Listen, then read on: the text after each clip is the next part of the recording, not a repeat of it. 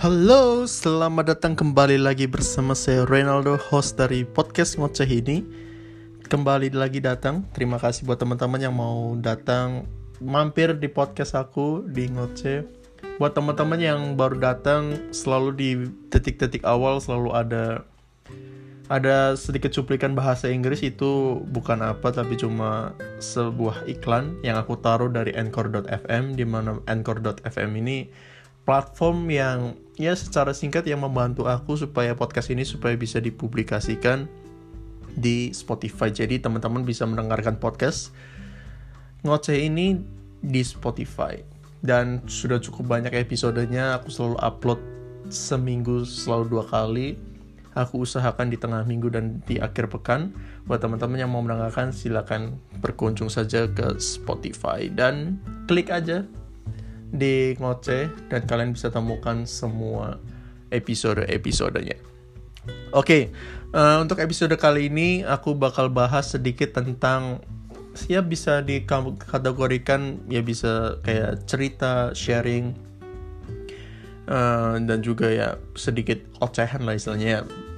Basicnya tentang ngoceh ya seorang anak muda yang ngoceh tentang apa aja kan keresahan dan segala macam. Dan ocehan kali ini aku pengen berpusat kepada tentang arti kata sendiri atau lonely atau alone dan ya segala macamnya itu ya.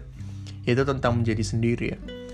Um, mungkin sedikit disclaimer bahwa podcast ini bukan atau episode ini ya terutama bukan kayak pengen mengajari atau pengen menggurui dan segala macam tapi ya basically cuma sekedar yang tadi aku bilang itu cuma sharing cuma pengen storytelling aja tentang tentang perasaan sendiri atau di mana kondisi di mana kita harus sendirian. Atau mungkin di di sini aku harus sendirian. Karena kalau kita bicara kesendirian itu sendiri uh, entah kenapa dari kecil ya aku selalu di posisi-posisi atau di satu kondisi di mana kayak merasa kayaknya aku sendirian di jalan itu istilahnya aku satu-satunya orang mungkin yang mengambil jalan itu. Bukan berarti aku setengah jam untuk pengen ngambil tapi mungkin yang ma yang apa ya mungkin aku nggak tahu mungkin adanya ketidaksengajaan atau ya, mungkin ini jalannya segala macam tapi seolah-olah kayak orang lebih banyak yang mengambil jalan itu dan aku akhirnya memilih jalan ini. Dan jujur bukan berarti aku merasa oh kamu mengambil jalan yang berbeda. Oh you will you will be the leader or something like that. Aku nggak mau sejauh itu ya perasaanku. Tapi justru aku mau to be fair kesepian misalkan. Terkadang kesepian terkadang iri. Karena aku kayak merasa melihat orang lain kayak pengen kenapa sih istilahnya kenapa aku nggak di posisi mereka aja? Atau aku nggak seperti mereka aja aku ikutan seperti mereka. Karena menjadi di tempat sendiri itu di mana mungkin nggak banyak orang yang ngambil jalan itu nggak banyak orang yang berada bersama-sama di jalan itu rasanya kadang frustasi kadang ya kesepian kadang ya ya karena seolah-olah kayak misalkan kita baru bisa belajar ngomong seorang anak kecil bisa baru bisa belajar ngomong baru bisa belajar misalkan misalkan seorang anak kecil juga baru bisa belajar main bola kan pasti lagi excited excitednya kan. Tetapi ketika dia menemukan bahwa sekitarnya nggak ada orang ya kan dia lama-lama frustasi juga kan. Kan nggak mungkin dia terus-terusan ngomong sendiri. Kalau terus-terusan ngomong sendiri ya udah buat podcast aja. Akhirnya mungkin mungkin gara-gara ini juga nih akhirnya aku buat podcast. Atau mungkin ketika dia lagi excited pengen main bola kan kan nggak mungkin selamanya dia mungkin tenang-tenangan bola sendiri di depan diri kan lama-lama dia bosen juga kan butuh juga uh, teman-teman atau orang-orang yang bisa main bareng paling nggak 5 lawan 5 atau 3 lawan 3 karena ya tentunya itu. Jadi makanya perasaan ketika kita sendirian itu ya nggak sel selamanya bukan bahkan karena ini proses ya nggak enak. Nah, enak kan bareng-bareng sama orang ya kebanyakan ikutan sama yang mainstream ke mana mereka pergi enakan di situ. Karena kita punya teman yang banyak frek satu frekuensi yang banyak, kita punya teman main yang banyak, kita bisa kongkot yang banyak. Karena selama ini yang aku rasakan juga, akhirnya aku mungkin jadi kehilangan beberapa teman mungkin atau kekurangan teman. Karena jalan-jalan yang aku harus ambil misalkan aku masih inget banget ini karena ini cuma sekedar sharing ya atau cuma sekedar kayak storytelling aja ada satu pertama kali aku sempat merasa kayak benar-benar merasakan kesendirian itu kalau nggak salah di waktu aku SD jadi waktu aku SD itu aku suka ikut beberapa lomba uh, lomba-lombanya bukan lomba-lomba uh, olahraga tapi lomba-lomba pelajaran mata pelajaran. Jadi kalau dulu kan sering banget adanya lomba-lomba mata pelajaran antar kelas terus habis itu juaranya antar antar sekolah di satu kecamatan di satu kota dan bahkan satu provinsi bahkan kalau naik terus kan bisa tingkat nasional bahkan bisa internasional worldwide. Uh, dan aku suka ikut berpartisipasi di situ karena ya mungkin aku ya bisa dibilang salah satu murid yang berprestasi berprestasi lah cukup adanya dan biasanya dulu disebutnya itu olimpiade lah. Dulu aku suka ikutnya bagian yang matematika dan sains atau IPA baik itu kimia atau fisika aku dulu ikutnya itu. Jadi apakah bangga? Bangga jujur bangga. Apalagi kalau kita menang. Apalagi kalau kita menang dan ya boleh dikatai aku dulu beberapa kali membawa piala pulang membawa piala menang berdiri di panggung berdiri di podium itu bangganya setengah mampus.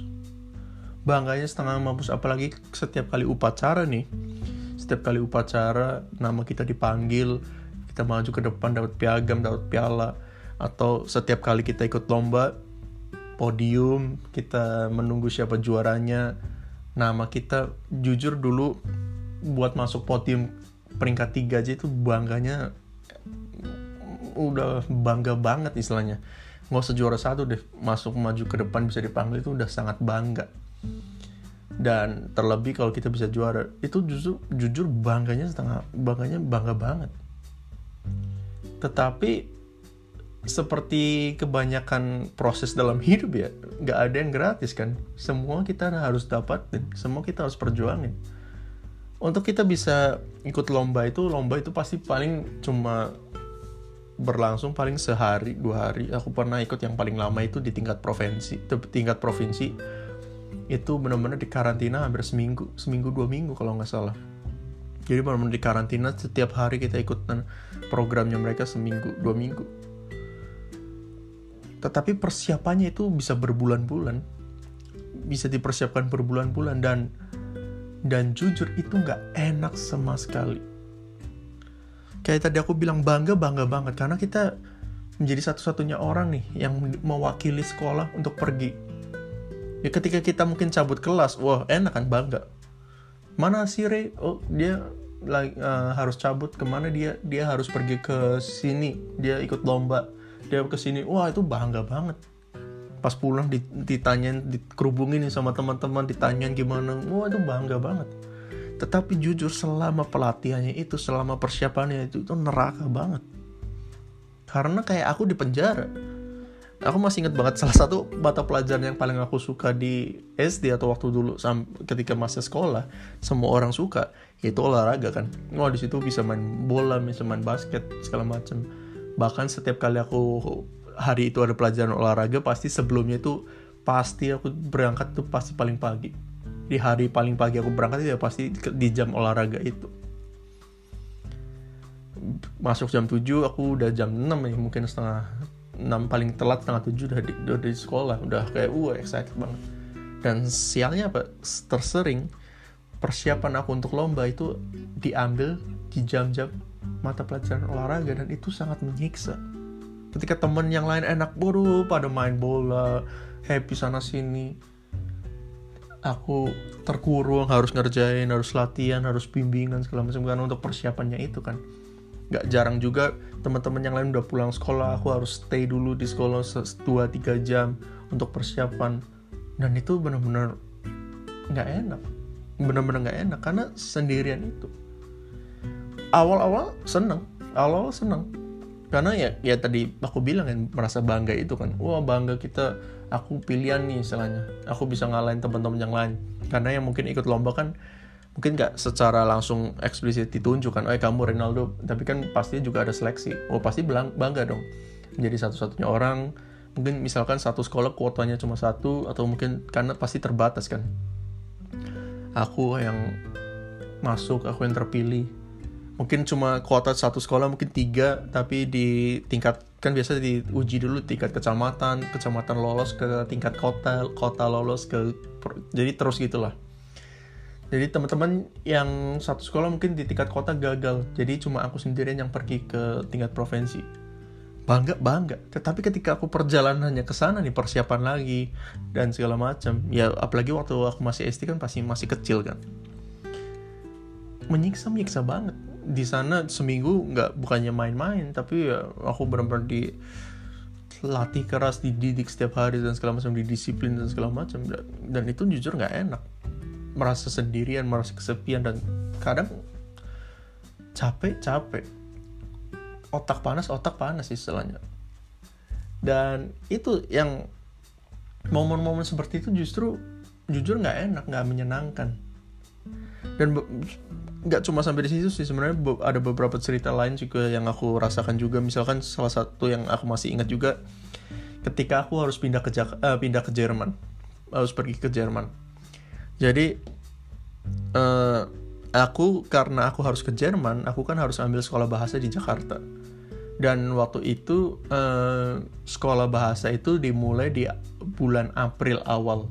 Tetapi aku nggak bisa ikut karena aku harus ujian nasional itu di minggu kedua ujian nasional jadi aku sempat telat tapi kata dari persetujuan dari tempat kursus bahasa Jermannya it's okay karena mungkin cuma telat dua minggu tapi setelah kamu ujian nasional kamu harus cepat-cepat terbang ke Jakarta karena untuk cepat nge ngejar kelasnya karena juga ada prosentase kan untuk bisa upgrade atau bisa naik kelas ke kelas selanjutnya. Sebentar ya aku sambil minum. Harus naik ke kelas berikutnya. Oke, nggak masalah. Yang penting aku masih bisa ikut kelasnya. Dan ujian nasional waktu itu kan dari Senin sampai Kamis, jadi empat hari kan. Senin, Selasa, Rabu, Kamis ya. Jumatnya itu udah ada kelas di uh, di Jakarta waktu itu. Kursusnya itu kalau nggak salah kelasnya itu setiap hari Senin, Rabu, Jumat kalau nggak salah ya. Aku lupa. Pokoknya Jumat itu ada kelas. Jadi hari Kemisnya itu aku sore pulang dari ujian nasional waktu itu apa ya? IPA kalau nggak salah aku karena aku waktu itu kan masuk IPA kan di SMA uh, eh, habis ujian nasional habis ujian nasional hari kemisnya habis ujian IPA tuh pulang aku langsung ambil pesawat terbang ke Jakarta ke tempat kos-kosan cari kos-kosan yang baru mungkin waktu itu aku lupa kayaknya waktu itu udah ketemu udah ketemu kos-kosan yang baru dan akhirnya aku langsung pindah pindah ke Jakarta langsung adaptasi harus cepet dan Jumatnya aku masuk ke kelas baru. Waktu perja waktu dulu aku di SMA ketika ditanya yang lain pada ke sekolah di mana aku jujur bangga. Ya jujur bangga dong. Oh aku bakal ngelanjutin sekolah di luar negeri nih di Jerman. Nggak mainstream kan waktu itu. Walaupun di sekolah dari sekolah aku cukup banyak tapi kan nggak ya paling kalau dihitung itu pun cuma hitungan jari dan mayoritas juga kan paling cuma stay di Jakarta stay di Indonesia. Ya maksudnya presentasi paling cuma satu persen. Bangga dong. Oh bangga banget. Tetapi apakah itu menyenangkan? Jujur ada yang nggak menyenangkan juga. Aku waktu itu nggak ikut perpisahan nggak ikut re, apa pensi atau apa pun itu ya namanya aku masih ingat banget waktu pengambilan raport atau hasil nilai juga.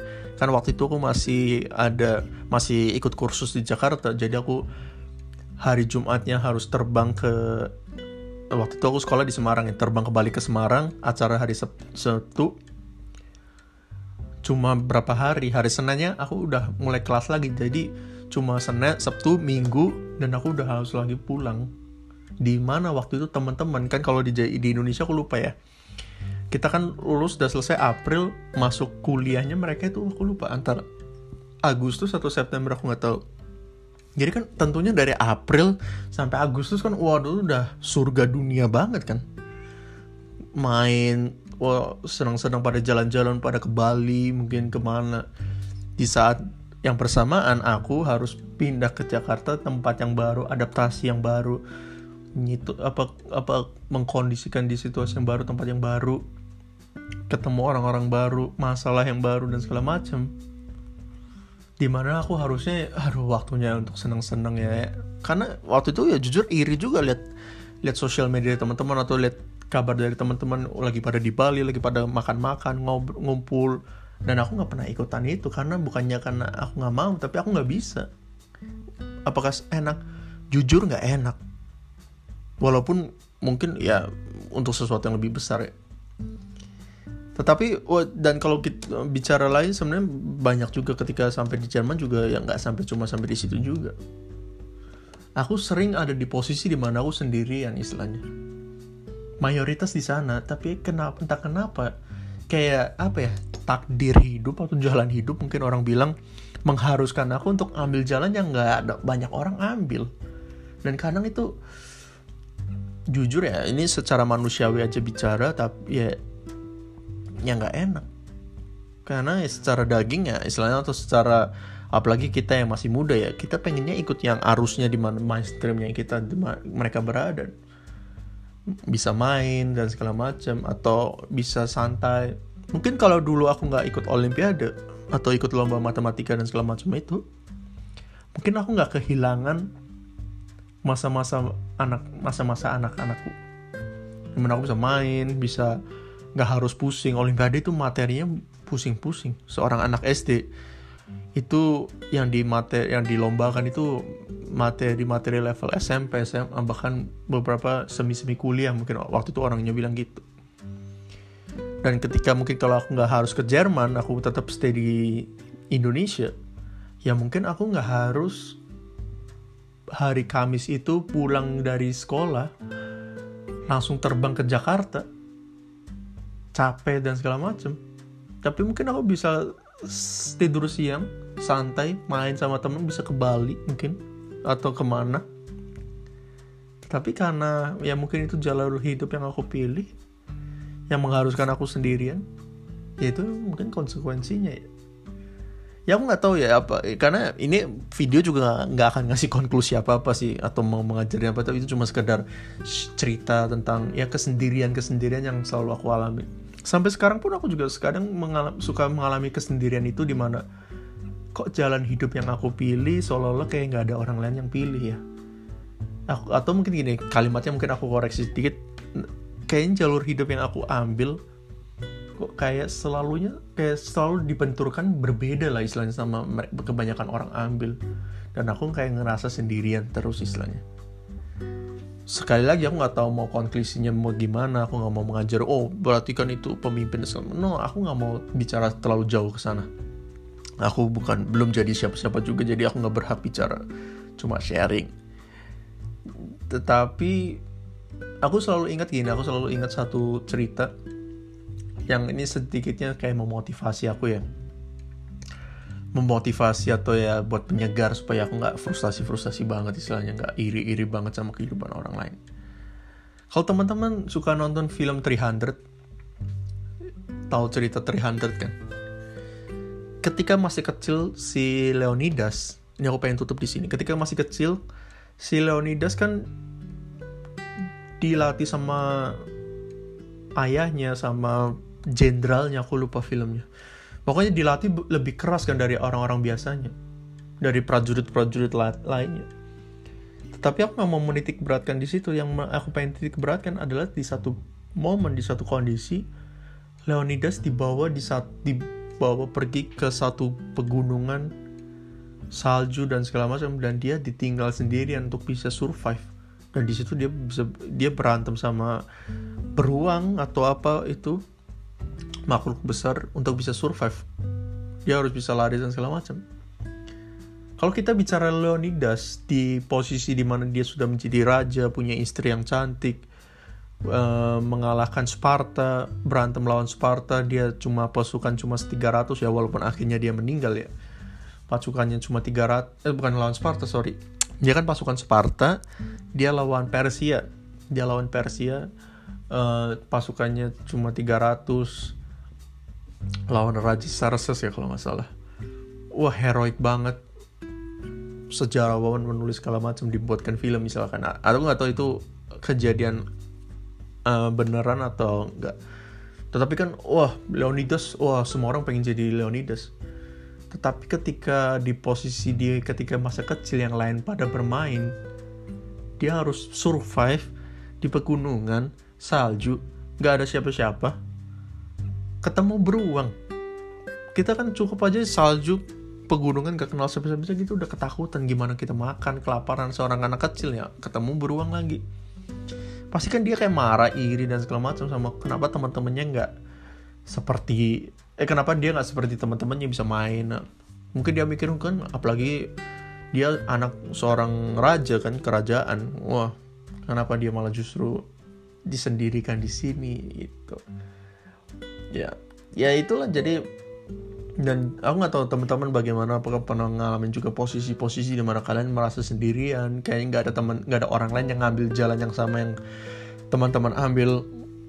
Aku nggak tahu apa itu signnya dan segala macam. Aku juga nggak mau bicara banyak tentang ini. Sekali lagi aku nggak mau memotivasi menggurui dan bla bla bla. Tapi ya itulah cerita yang aku bisa bagikan tentang kesendirian. Oke mungkin itu dulu aja ya teman-teman uh, buat teman-teman yang mungkin punya cerita yang sama bisa sharekan buat tem buat teman-teman yang lain buat bahan ngobrolan sama teman-teman yang lain juga atau keluarga dan segala macam. Oke mungkin itu dulu sekian dari saya. Set, uh, thank you buat mendengarkan sampai sejauh ini.